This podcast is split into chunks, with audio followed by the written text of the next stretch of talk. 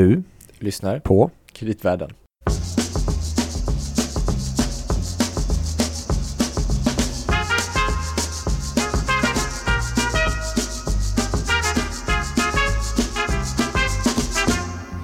Hallå Gabriel. Hej Louie! Vad trevligt att se dig. Ja men detsamma. Äntligen dags igen. Ja, det säger vi varje gång men det känns kanske också så. Mm, men du vet att idag, jag känner mig så här überladdad igen. Nästan så här som när vi hade det järnvägsavsnittet. Ja, det var och för sig inte så länge sedan men Nej. nej. Men det är ju härligt att det Ja, kan kännas så så ofta. Och eh, innan du berättar varför. Mm. Eh, Louie Landeman.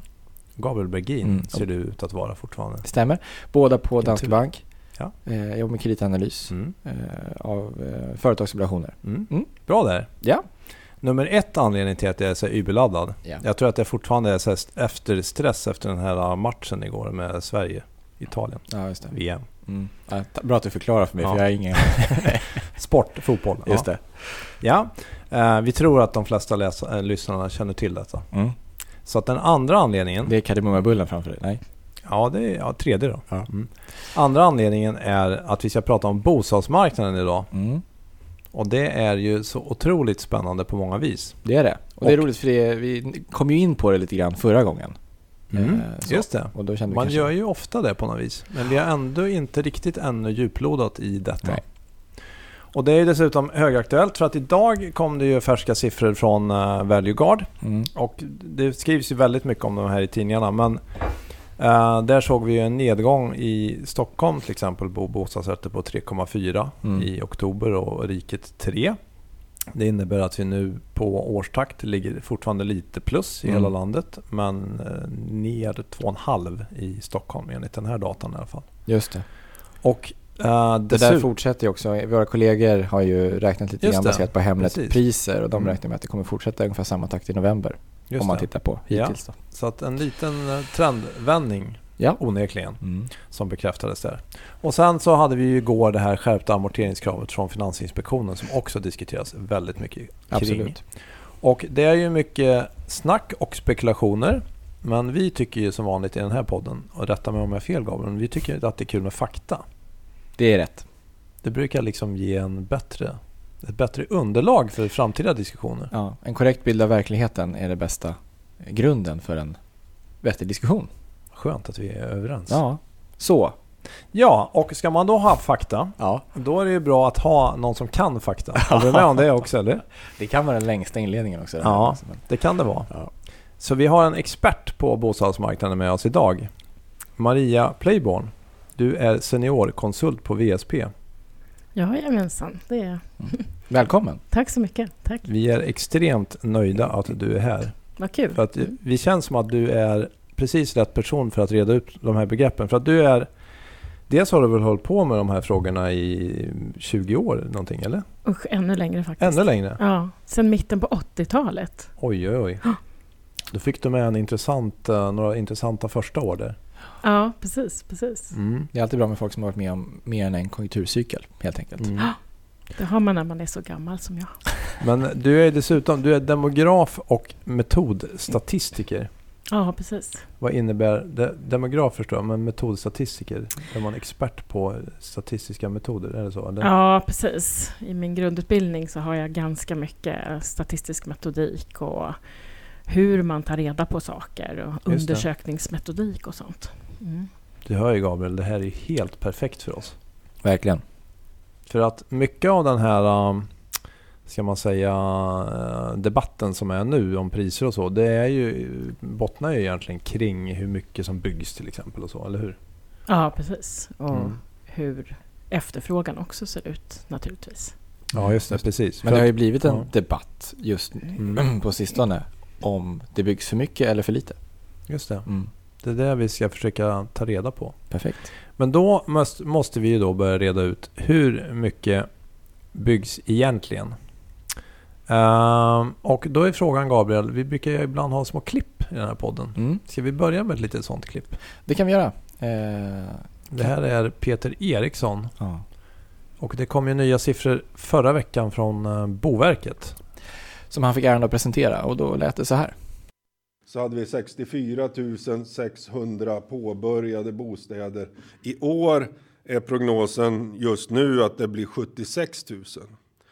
Och eh, då ska man komma ihåg att eh, eh, så sent som i maj när, när eh, Boverket hade sin tidigare prognos, då hade man en prognos för i år på 72 000 eh, bostäder, cirka 72 500 tror jag det var. Och, och eh, så att det fortsätter att växa byggandet och öka byggandet de, den senaste tiden. Och, och eh, ja, Jaha, enligt uh, Peter Eriksson låter det som att det byggs väldigt, väldigt mycket här. Det pratas ju om 76 000. Men då är ju frågan påbörjade Prognosen för i bostäder. år. Vad sa du? det Ja. var prognosen för i år. då. Prognosen för i år, precis. Och påbörjade... Ska vi börja någonstans där? Hur, en sån här siffra? Ja, man, kan, eh, man kan välja vilka siffror man ska presentera. Mm. Eh, påbörjade bostäder, eh, då har man fått ett startbesked Ja. för att påbörja en, en bostadsbyggnad. Och eh, det där stämmer inte riktigt överens sen med hur många som faktiskt kommer att färdigställas. Om man tittar över lång tid så kan man se att eh, ungefär 10 procent av de påbörjade bostäderna faktiskt aldrig färdigställs. Mhm. Vad beror det på då? Ja, det kan vara en massa konjunktursvängningar Mm. eller eh, att man kommer på att det är fel läge eller, Mm. eller någonting sånt. Ja, Men man har kommit igenom hela den här bygglovsprocess och detaljplaner och allting sånt där. Ja, eller? precis. precis. Så Mm. det, det, den delen ska ju vara klar. Spaden är i marken, more or less. Mm, nära marken i alla fall. Mm. I luften. säga. Ja, ja. Mm. Men eh, det finns ju en massa olika begrepp för just det. Vissa väljer ju att, att tala om att de bygger mycket till följd av att de gör mycket markanvisningar till exempel. Att, eller att man har mycket bygglov på gång eller, Ja, eller så. Det är ganska få faktiskt som använder det här med färdigställda bostäder som ju är bostäder som man faktiskt kan flytta in i. Ja, då har man liksom ett slutbesked och då, då kan folk flytta in. Det. Och det är ju egentligen det som är mest intressant skulle jag säga. För att om man tittar på färdigställda bostäder då istället, men då får man gå tillbaka lite i tiden för då har vi ju inte någon årsdata för i år. Så, Nej, precis. men Nej, om man precis. tar till exempel förra året, då var det, stämmer det att det var 46 000 eller något sånt Ja, där 40, färdigställda? 43 000 Okej. nyproducerade bostäder. Ja. Mm. Och, så, och det, den siffran, om man skulle jämföra den med det som man sa påbörjades 2016, då var det mycket, ja det låter ju mycket lägre i alla fall än de här 76. Nu var det i och för sig Ja, 76 för i år men... Ja, och så gör man ju prognoser då. Mm. Och de bygger ju på kommunernas bedömningar ofta. Mm. Vad man tror kommer sättas igång under året. Just det. Och de där prognoserna stämmer inte alltid så bra överens heller. Jag har tittat på, på lång sikt så kan man säga att kanske 65, ja, 65-70 procent av kommunernas prognoser för innevarande år Mm. eh, faktiskt eh, kommer att påbörjas under det året. Oj, det, det är handlar ju- mycket. Ja, det är ganska, ganska stor skillnad. Och det beror ju på att många projekt blir försenade och, och sådär. Och på senare år också kanske för att man har en politisk vilja att tala om att man Mm. bygger mycket. Ja, just det. Det finns liksom... Ja, det finns man kan, slå, ja, man kan slå sig lite för bröstet Mm. på liksom att titta vad mycket vi bygger. Mm, mm, mm. Och då använder man... Då kanske till och med är en, en politiker i värsta fall som svarar på de här frågorna som Boverket ställer då till kommunerna. Ja, just det. Okej. Hur mycket bygger ni liksom? Ja, Så okej, Boverkets en siffror är- siffror- En enkätundersökning. Ja, precis. precis. Mm. Så vi- vilka, om man ska ha, vill ha data på bostäder som byggs till exempel och, eller som planerar att byggas, vilka är mest pålitliga? Alltså jag tycker att man ska titta på eh, de som Statistiska centralbyrån publicerar i maj varje år. Då man Mm. faktiskt har kontroll för eftersläpning och så vidare i statistiken. Eh, och då kan man se liksom hur mycket som faktiskt färdigställdes under förra året. Mm. Men vi är ju lite... Vi vill, vi vill veta någonting snabbare än Ja. så. Ja. Men då ska man ju komma ihåg att, att eh, de här siffrorna inte alltid faktiskt blir... Att när man tar de rätta. påbörjade så ska man förmodligen tänka sig att det kan ligga 10-20% lägre sen i Ja, slutändan. precis. Eller Ja. någonting i den. Ja, precis. Åtminstone Mm. om man är i en, så att säga, en boom eller en högkonjunktur så borde det väl vara så, kan jag tänka mig. kanske om man är på väg upp i en cykel så kanske det kan vara annorlunda? Eller? Ja, precis. Det där har ju, det förändras ju faktiskt över, över åren. Mm. Eh, om man jämför med hur bra eh, analyser som kommunerna i Stockholms län gjorde under förra året till exempel, Mm. eh, på hur mycket man trodde skulle påbörjas, så kan man se att vissa kommuner var jätteduktiga med att pricka in. Och det kan ju ha att göra med att faktiskt liksom vi hade en, en uppåtgående trend för, Ja, för nyproduktionen. Eh, Medan om man tittar på ja, kommunerna under 2011 till exempel, när vi trodde att finanskrisen var över, Mm. men vi fick en liksom, eh, backlash igen eh, och, och byggandet faktiskt gick ner lite grann. Då är det väldigt låga eh, träffprocent som man har. Liksom. Ja.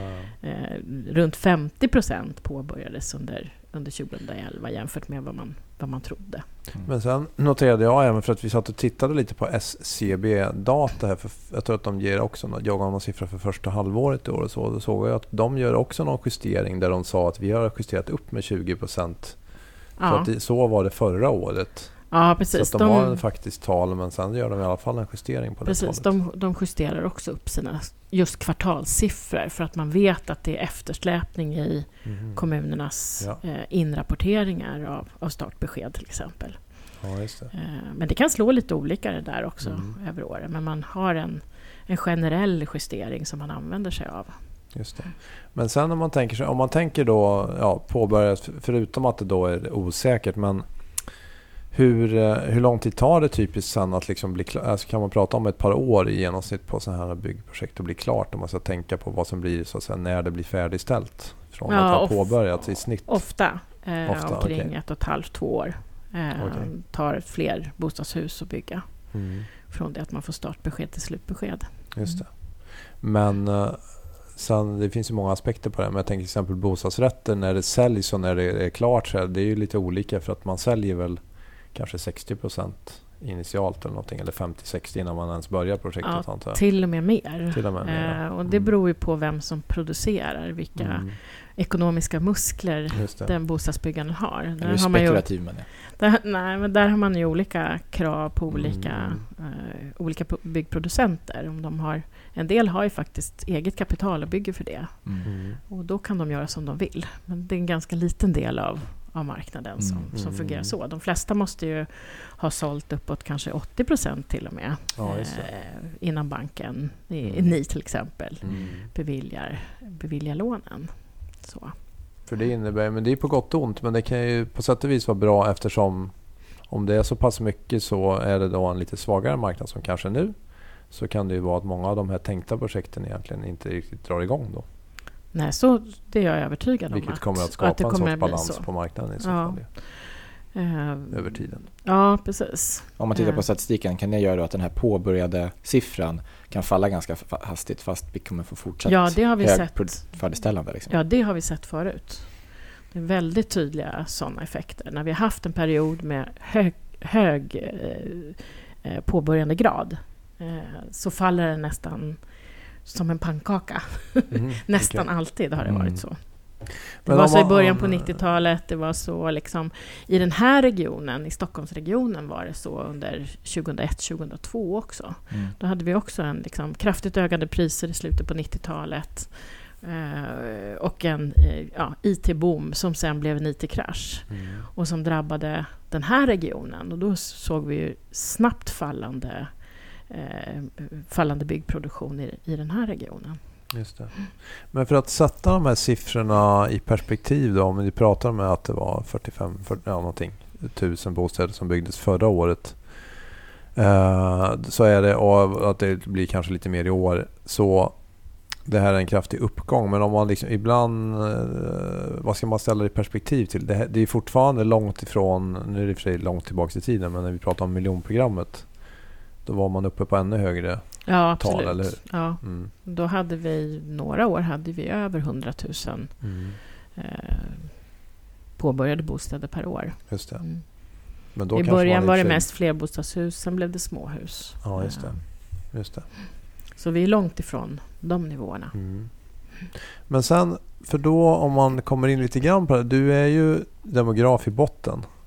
Och ska man koppla de här siffrorna till till exempel befolkningstillväxten då så, match, alltså så är det väl fortfarande så att befolkningen växer egentligen fortare än antalet bostäder som produceras?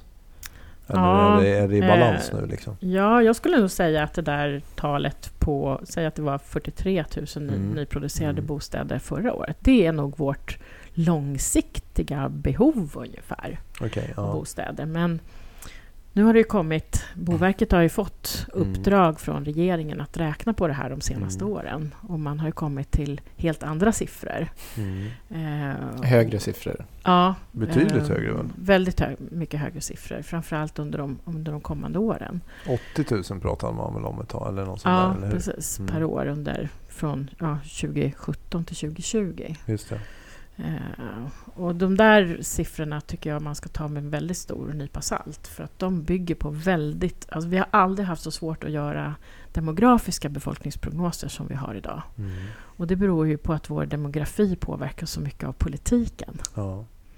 Ja, invandring egentligen ja, då, och anhörande invandring. Ja, anhöriginvandring. Mm. Så när vi förändrar vår politik som vi gjorde eh, nu under, under förra året mm. så förändras de här eh, siffrorna väldigt kraftigt. Mm.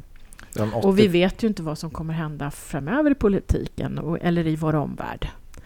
Eh, så det har aldrig varit så svårt att göra prognoser. Vi är rätt duktiga på att göra vissa delar av prognosen. Vi har bra koll på födelsetal och dödstal och sådär. Vi är duktiga på att räkna på hur eh, befolkningens hälsa ser ut relativt åldersfördelning och så vidare. Mm. Men de här rörelserna, flyttrörelserna in och ut ur landet är ju jättesvåra att bedöma. Mm. Eh, och det här tar man inte riktigt... Man går, på Boverket går ju bara på Statistiska centralbyråns huvudprognos för hur befolkningen ska utvecklas. Och den förändras ju jättekraftigt från förra året till i år till exempel. Jag tänkte säga exakt, vilka, för de 80 000 då, vilka antaganden om eh, immigration Enorm, enormt höga antaganden om immigrationen. Okay. För när SCB e gjorde den här prognosen så hade man ju hösten 2015 mm. bakom sig. Och, och, och, såg ju hur, hur eh, flyktingströmmarna eh, påverkade liksom väldigt, väldigt kraftigt. Och då tar man den historiska siffran som grund för sin trend eller någonting rakt ja, av? Ja, precis. Eh, man höjde i alla fall eh, bedömningarna av invandringen mm. som ju är någonting annat än flyktingström. Mm. Mm. För att vara invandrad till Sverige så måste man ju få skrivas i landet, få folkbokföra sig. Och då har man ju fått sitt uppehållstillstånd. Ja, men sen i deras uh, bedömningar om liksom behovet av bostäder dessutom, då är det ren egentligen demografi och det är ingenting, man tittar inte någonting på inkomster. Nej, ingenting alls. För att här, ren det här, demografi. Det här måste väl vara ett av de största problemen då um, om det kommer in personer som inte har en inkomst kontra att det byggs saker som är väldigt dyra. Så kan det ju vara så att i, i antal så ser det okej ut men att det är ändå en enorm missmatch. Ja, absolut, absolut. Och också det att, att eh, bedömningarna handlar ju bara om antal individer, inte mm. vilken typ av individer det är som ja, kommer in. Det. Just det. Uh, och så gör man då en bedömning utifrån hur hushållsstrukturen... Vi kan ju inte göra några andra, andra prognoser än, än göra antaganden än hur det har sett ut på något sätt. Nej, vi kan inte bara hitta på. Mm. Utan då tar man för givet att det kommer se ut så som det har sett ut. Men om, om man till exempel då skulle försöka se, nu blir det ju, det kanske vi ska gå in och prata lite mer om vad det är bostadsrätt och hyresrätt. Men om man skulle göra till exempel en, försöka göra någon skattning på Stockholm då, då, då borde det ju vara bättre att titta på eh, utvecklingen av arbeten. eh, hur mycket nya arbeten som kommer till i Stockholmsregionen och försöka matcha det mot mycket bostäder som byggs kanske? Ja, absolut. För att eh, nästan ingenting vi bygger idag blir ju billigt. Eh, väldigt svårt för nyanlända, unga vuxna och andra grupper som är liksom de stora grupperna som faktiskt, mm. som faktiskt eh, spär på Stockholms befolkning. Det. Eh, det. är ingenting för dem att efterfråga. Nej. Så hur, vad är liksom din bedömning nu då? Hur liksom marknaden balans, utbud, efterfrågan. Det, det, måste man gå ner och titta på mer mikronivå och se alla delmarknader på något vis, eller hur? Ja, alltså, tyvärr är det väl så eftersom vi flyttar väldigt lokalt i Sverige. Mm. Eh, vi är otroligt, utom de som liksom kanske kommer utifrån och sådär, och eh, unga vuxna som, som flyttar runt lite. Men i, i, i snitt så flyttar vi otroligt lokalt i Sverige.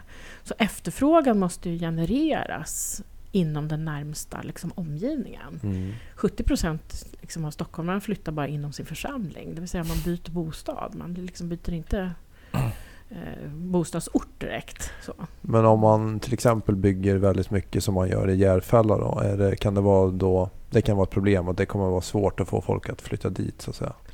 Eventuellt. Ja, jag tror det. Mm. Eh, jag tror att, att den här typen av väldigt stora nyproduktionsprojekt Mm.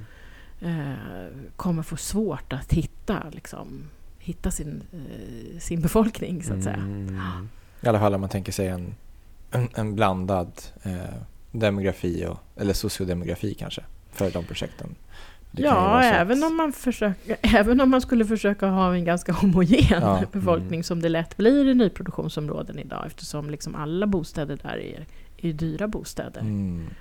eh, relativt liksom hur det ser ut i övrigt så, Mm. så, så tror jag att man kommer få, kommer få svårt. Mm. Men är det inte så att nyproduktion i alla tider har väl alltid varit dyrt? Liksom, Ja, eller? absolut. Det har väl aldrig varit någon skillnad egentligen? Eller? Nej, bo- bostäder generellt i Sverige är dyrt också. Mm. Eh, för att vi har ganska hög kvalitet på våra bostäder. Mm. Och vi måste delvis ha hög kvalitet för att vi har det klimat som vi har. Mm. Eh, så man måste liksom bygga ganska rejält. Ja, precis. Så, och det, det kostar. Men ser du annars, alltså, ser du att det finns stora strukturella problem på liksom bostadsmarknaden som man borde på något vis Ja, några- verkligen. eller är det allt, går det att ändra på de här sakerna eller är allting så, sitter allting ihop så mycket så att det är svårt att... Ändrar man på en parameter så då måste man ändra på nästa och nästa. Är det därför ingen politiker riktigt vet vad de ska göra? Eller? Nej, jag, jag tror faktiskt att det är ganska... Eh, bostadspolitikens område är ganska svår. Mm. Eh, det brukar, jag brukar prata med vår förra bostadsminister eh, Stefan Attefall om det här och han sa att det tog ju några år innan jag förstod hur komplext det här systemet egentligen är. Mm. Eh, och då var det nästan tid att och liksom, då kunde jag inte genomföra så mycket mer. Okej, så kommer Så, om man bara sitter fyra år. Så det, det, här, det är väldigt komplext och det, det skär ju över många politikområden. Mm. Det är kanske därför det är så roligt också med bostadspolitik. För det Mm. liksom har med liksom alla Mm. möjliga olika politikområden att göra. Och inte minst då finansiella frågor och skattefrågor Ja, förstås. det. som ju inte bostadsministern har någon rådighet över. Ja, det. Utan man har liksom andra, andra frågor på sitt bord. Mm. Och det gör ju liksom att, det är många som har sagt det, det är liksom bostadspolitiken måste, borde egentligen vara en statsministerfråga som liksom spänner Mm. över, över hela fältet. Ja. Eh, och att man, idag säger ju många att, att eh, ingen har riktig kontroll på alla de här påhitten som man, som nu har, man har inom politiken. Hur, hur kommer det här, vad kommer hända med både fastigheter och, och, och bostäder framöver? Mm. För nu finns det ju en massa förslag som ligger som remisser och, och, och förslag om Mm. amorteringskrav och paketeringsutredningar och ränte eh, Avdrag och- avdrag och så vidare Mm. som, som påverkar den här branschen. Mm. Och ingen har riktigt koll på liksom, hur det här påverkar. Nej. Men har du någon, Och man har du någon önskelista liksom på åtgärder som... Ja, nästan allting skulle man göra tvärsom. Det är min önskelista. ja, det var ju faktiskt en... eh, Ja, det är väldigt konkret. Bra ja, tanke. ja, precis. Nej, men man, alltså man, eh, det första man gjorde fel var ju att förändra fastighetsbeskattningen i Sverige. Mm. Det var en väldigt populistisk åtgärd, liksom, när man bara strök fastighetsskatten och istället införde eh, dyrare revinstbeskattning eller omedelbar och evig revi, revinstbeskattning. Och det, har, det gör att rörligheten har minskat. Rörligheten man vill minskade- inte flytta för då får man skatta. Rörligheten Ja. minskade enormt mycket Mm. eh, efter det. Det var väl Mm. också en konjunktureffekt för du Mm. inföll ju tyvärr samtidigt med, med finanskrisen. Så det blev ju liksom Mm.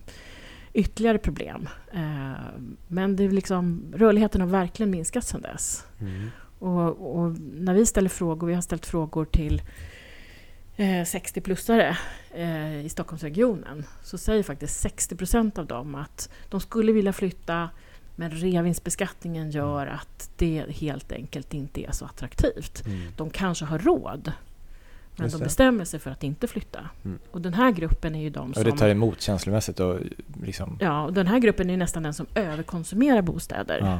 Mm. I snitt så har vi ju det liksom, om Mm. man t- tittar på snittet så bor vi ju jättebra i Sverige. Ingen bor trångbodd om man tittar på snittet. Men det finns ju vissa som överkonsumerar och andra som bor enormt trångt Mm. och, och inte ens kommer in på bostadsmarknaden. Så att det, det där var det ju första felsteget man gjorde. Det. är ju många som, som påpekar nu. Mm. Men som ju är jättesvårt för politiken naturligtvis att, att ta tillbaka. Ja. Eh, när man har vant sig vid att det är liksom ganska billigt att bo när man väl har kommit in på, på Men det här med att man pratar mycket hur ska man åstadkomma billigt så att säga nytt boende. Det är också väldigt svårt om man inte, ja, någonstans ska det ju subventioneras då. Ja, det, Och kanske på 60-talet när man byggde miljonprogrammet då bara gjorde man någonting. Men nu är ju alla kommuner, man ska ju sälja mark till eh, liksom marknadspris. ja, precis. Man är Så då går- bakbundna av ja. EU-regler och så Ja, vidare. exakt, bland annat. Då var vi inte medlemmar i EU. Då kommer vi ju ge enorma statsstöd och det kostade ju väldigt mycket för samhället. Mm. Och vi fick ju dessutom vakansproblem sen på 80-talet Just det. efter miljonprogrammet. Mm. Så det ska man inte glömma heller. Nej. Att det stod mycket tomt. Det. eh, För att man bara byggde utan att behöva ha en efterfrågan egentligen. Det kostade ingenting. Nej. eh, Så, på Just den det. tiden. Så då fick man det problemet istället. Då fick man det problemet istället. Ja. Men det finns ju massa sådana här fel, fel... För att dämpa vår skuldtillväxt så införde man ju ett så kallat bolånetak. Det vill säga Mm. man måste ha en kapitalinsats för att gå in på den äga, ägardelen av marknaden Mm. med 15 procent. Eh, och jag tycker att det är helt vansinnigt att, det- att inte samtidigt när man kräver att människor ska ha kapital för att Mm. kunna köpa en bostad, att inte samtidigt då försöka gynna sparande det. Till, bos- till bostadsändamål. Mm. Eh, Det gör man i många andra länder. Mm. Och se till att Skattemässigt folk... till exempel eller någonting. Ja, precis. Mm. Att man Eh, och se till uppmuntrar att det är man sparar till sin bo, bostad. Liksom. Ja, attraktivt att spara.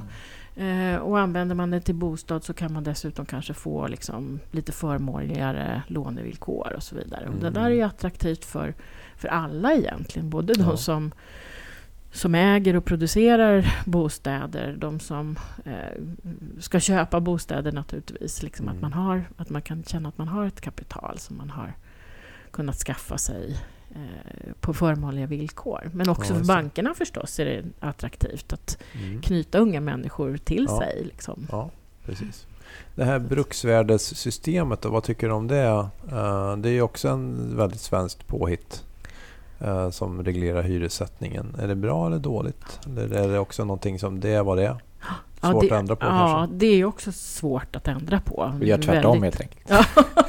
Ja, precis. ja, vi är väldigt, tvärtom. ja men, nej, men det här är ju någonting som har funnits så länge och det är ju, alltså, som ni säger, det är ju liksom väldigt typiskt svenskt. Mm. Vi har parter som ska komma överens och så vidare. Men om man pratar om det systemet, för att det, om man säger, om man då tittar över hela landet, så i, i vissa delar av landet så kanske det motsvarar en sorts marknadshyra. Absolut. Men, och, men och- framförallt och i Stockholm gör det inte riktigt det då. Nej. Men då har man å andra sidan rätt att gå ifrån det in, om man bygger nytt ju nu för tiden. Ja, men precis. eh, 15 år. ja, Men då kanske man står istället med en risk efter de 15 åren att man inte vet vad hyran blir eller?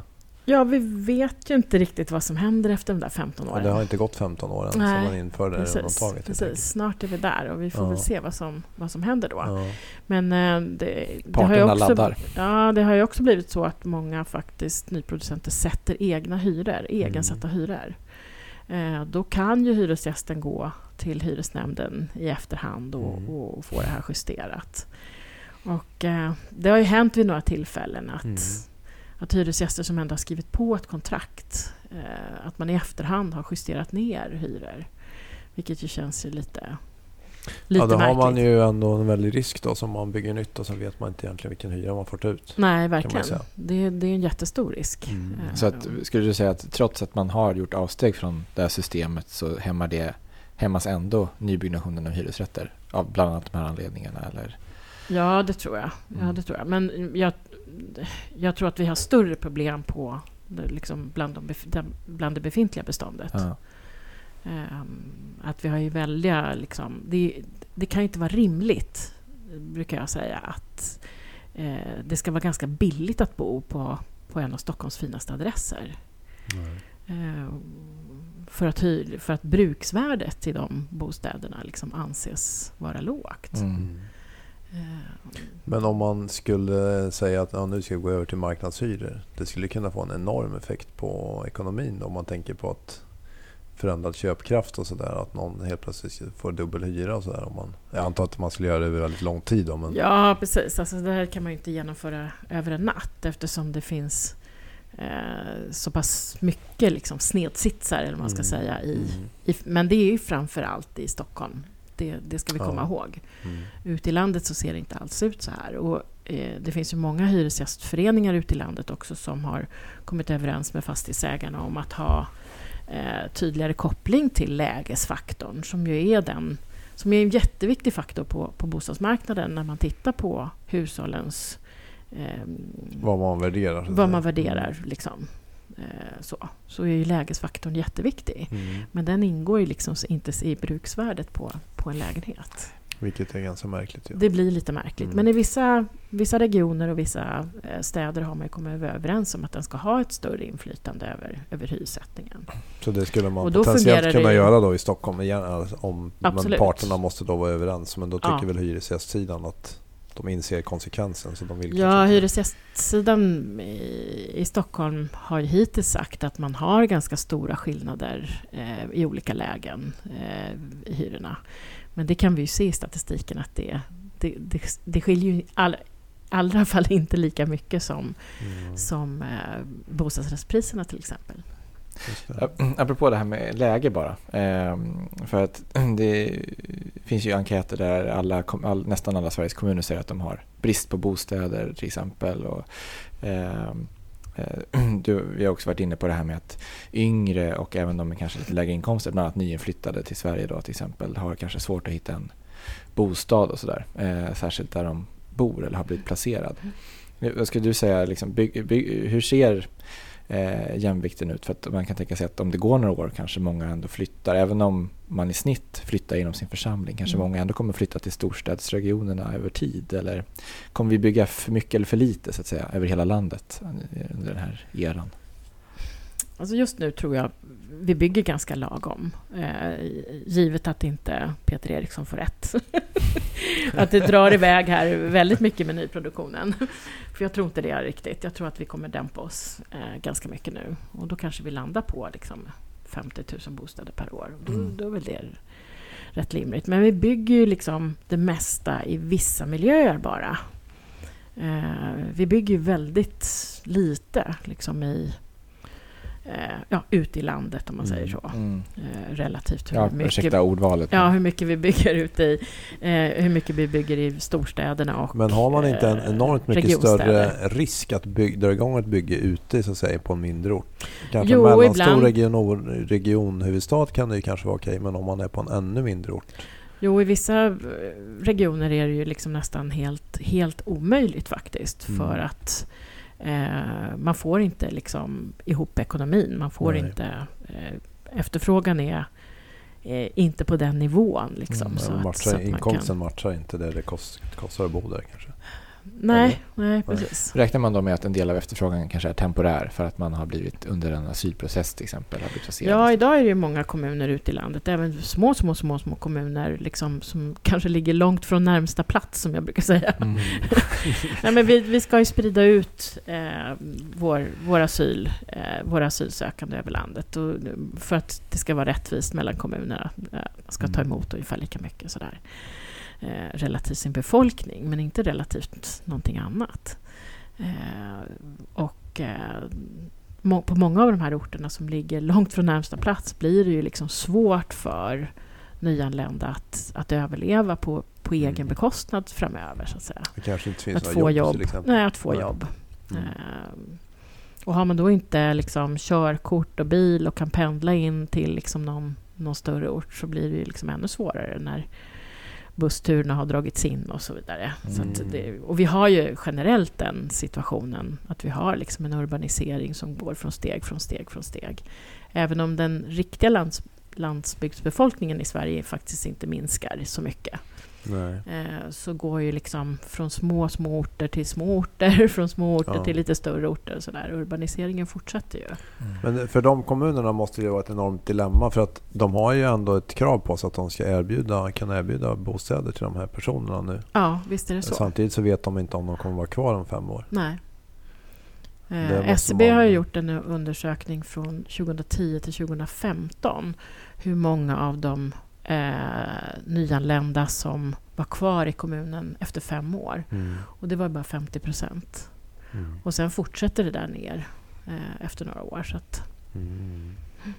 I alla de här utmaningarna som kommer upp här, finns det så några goda exempel i till exempel våra grannländer som vi kunde snegla på? Till exempel Finland har ju ett mer marknadsbaserat system för hyresbostäder till exempel. ja, precis. Verkar vara en Eh, marknad i mer balans än Ja, Sverige. de har ju precis. Och där har inte heller prisutvecklingen skenat iväg så som Nej. den har gjort hos oss.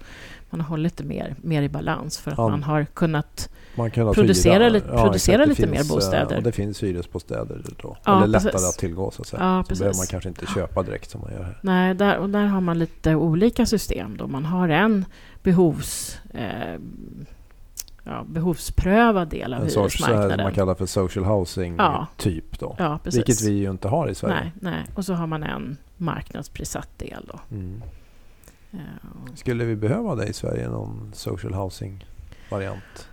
Eller Ja. nu har vi istället att vi ger så att säga, Bostadsbidrag. vi gör bostadsbidrag då, så att det är en annan Ja. lösning. Då, men, Ja, men de har ju inte ökat och de liksom är väldigt svåra att få i Sverige.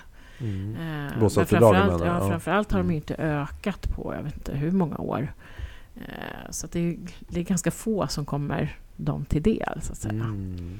Eh, så jag tycker att man istället för att ge investeringsbidrag till de som bygger borde man ju rikta de stöd som vi har på bostadsmarknaden till de hushåll som faktiskt liksom har behov av, av stöden.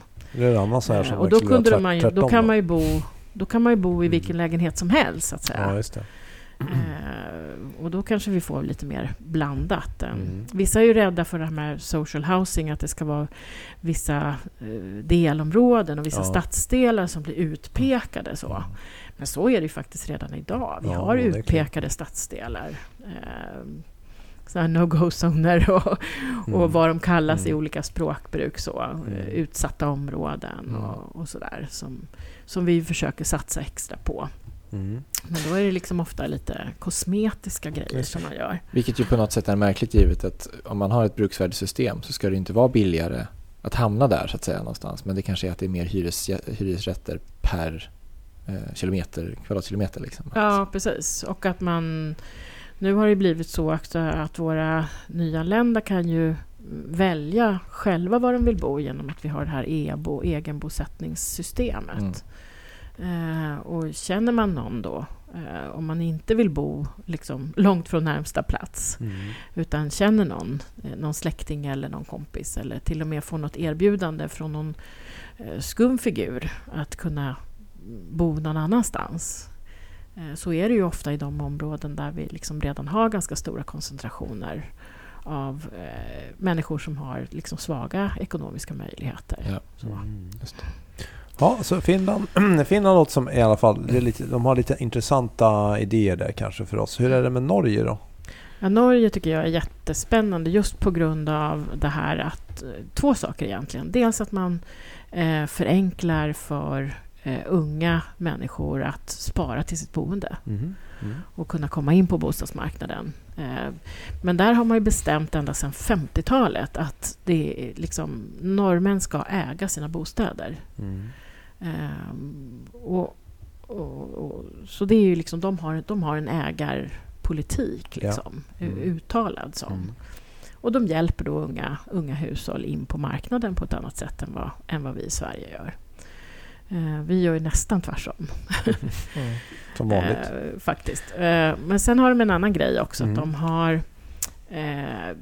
ger stöd till då folk som kanske har möjlighet att, att eh, hyra ut en del av sitt hus. Just det. Att liksom koppla bort en bit och göra ett ganska- eget litet kök och så vidare. Och det är ju jätteutbrett med den typen av små lägenheter där du bor. Du bor inte inneboende utan du liksom har ju ditt eget. Mm. Men du, du hyr av en, en privatperson. Och det, har varit, det har ju blivit väldigt... Och det är ju ett sätt då innan man har sparat ihop till, Mm. sitt, till sitt kapital. Liksom, eh, så kan man bo på det sättet. Och det, det. det finns alltid någonstans att, att hyra in sig. Då. Och sen har de dessutom en annan glesbygdspolitik då i Norge. Ja, det har som de kanske gör verkligen. demografin lite annorlunda. Ja. Hela Norge lever ju på det Mm. sättet. Man har liksom andra momssatser, man har andra arbetsgivaravgifter, man, har, man får skriva av sina mm, eh, studielån om man flyttar liksom långt ut på landsbygden och så vidare. Mm. Och det kan man ju se bara man åker över gränsen. Ja. Eh, vi bor i, liksom, i bara delar av vårt land och i Mm. liksom mycket små ja, tätbygder och sådär. När man kommer in på norska gränsen så är det ju liksom hytter överallt. Ja. ja, det stämmer faktiskt. Så det är väldigt liksom, annorlunda landskap. Så även Norge kan vi lära mycket av. Ja, Vad bra. Mycket inspiration här Gabriel. Mm. Jaha, men det var ju lite, jag tänkte det var lite Mm. förhoppningsfullt för att du pratade om att du var inte så jätteorolig kring att det byggs alldeles för mycket. Sa du lite tidigare. Hm. Ungefär, eller? Nej, alltså, jag har nog de sista två åren känt att vi liksom, vi kanske inte bygger jättemycket för mycket, men vi bygger väldigt ensidigt. Mm. Alltså. Och det är ju faktiskt så att unga människor idag, eh, vi brukar kalla dem liksom generation X, Y, Z och så vidare, men folk som är födda på 90-talet, vi tror Mm. att de är så himla annorlunda.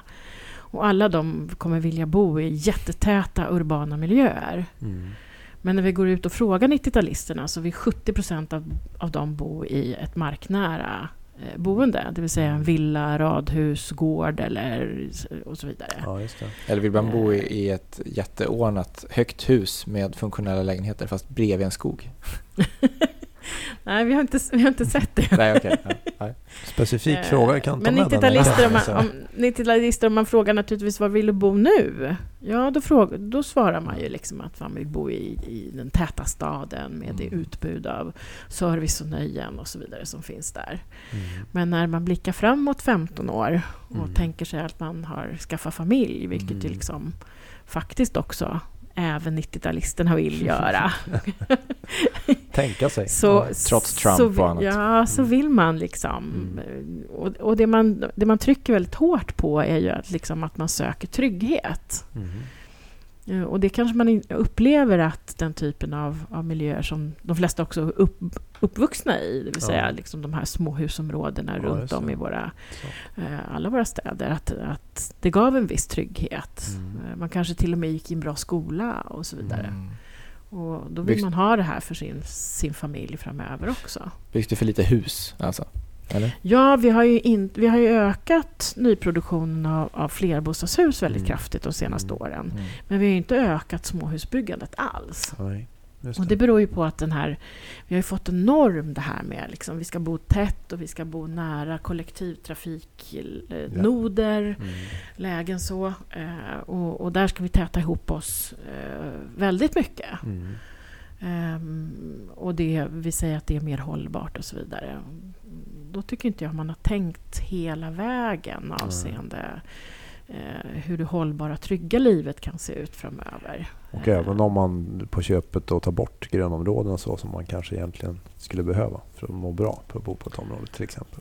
Ja, det är många som säger till exempel att vi bygger liksom alldeles för lite bara idrottsplaner och så Mm. vidare i våra nya områden. Och det finns ju till och med stories om att man bygger dagisgårdar i två plan idag eh, för att det är så trångt.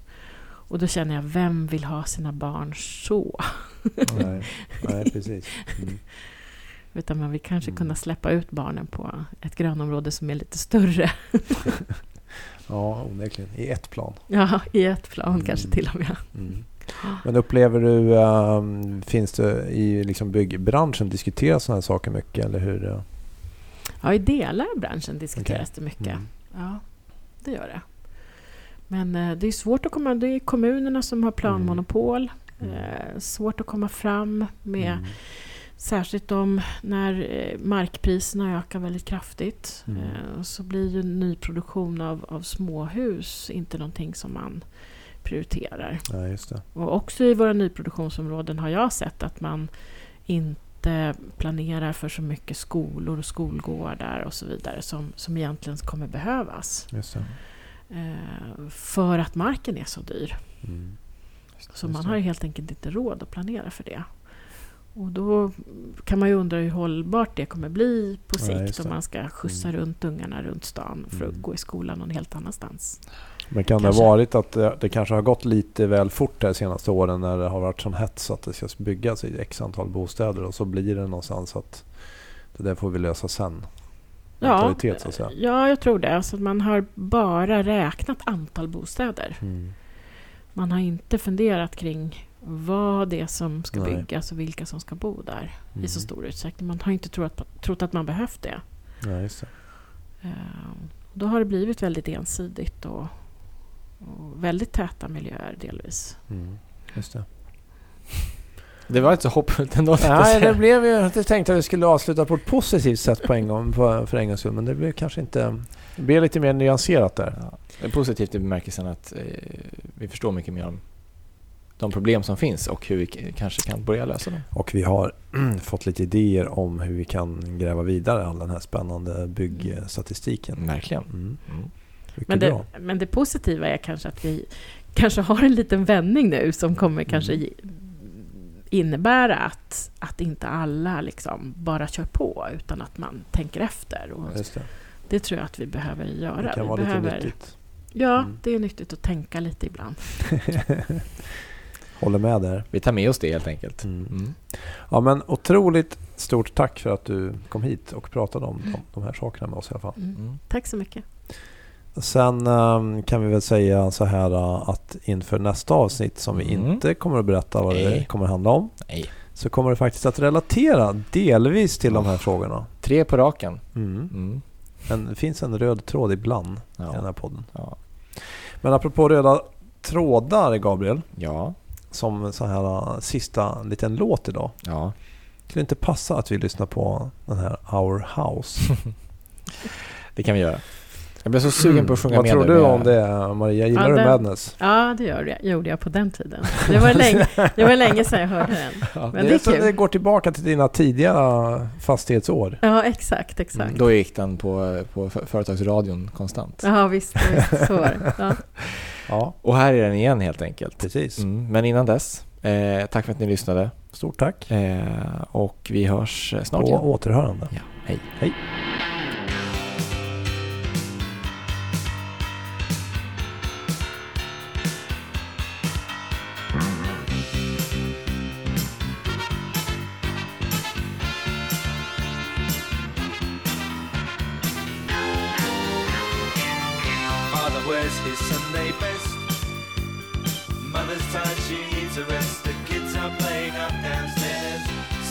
Sighing in her sleep. Brother's got a date to keep, he can't hang around.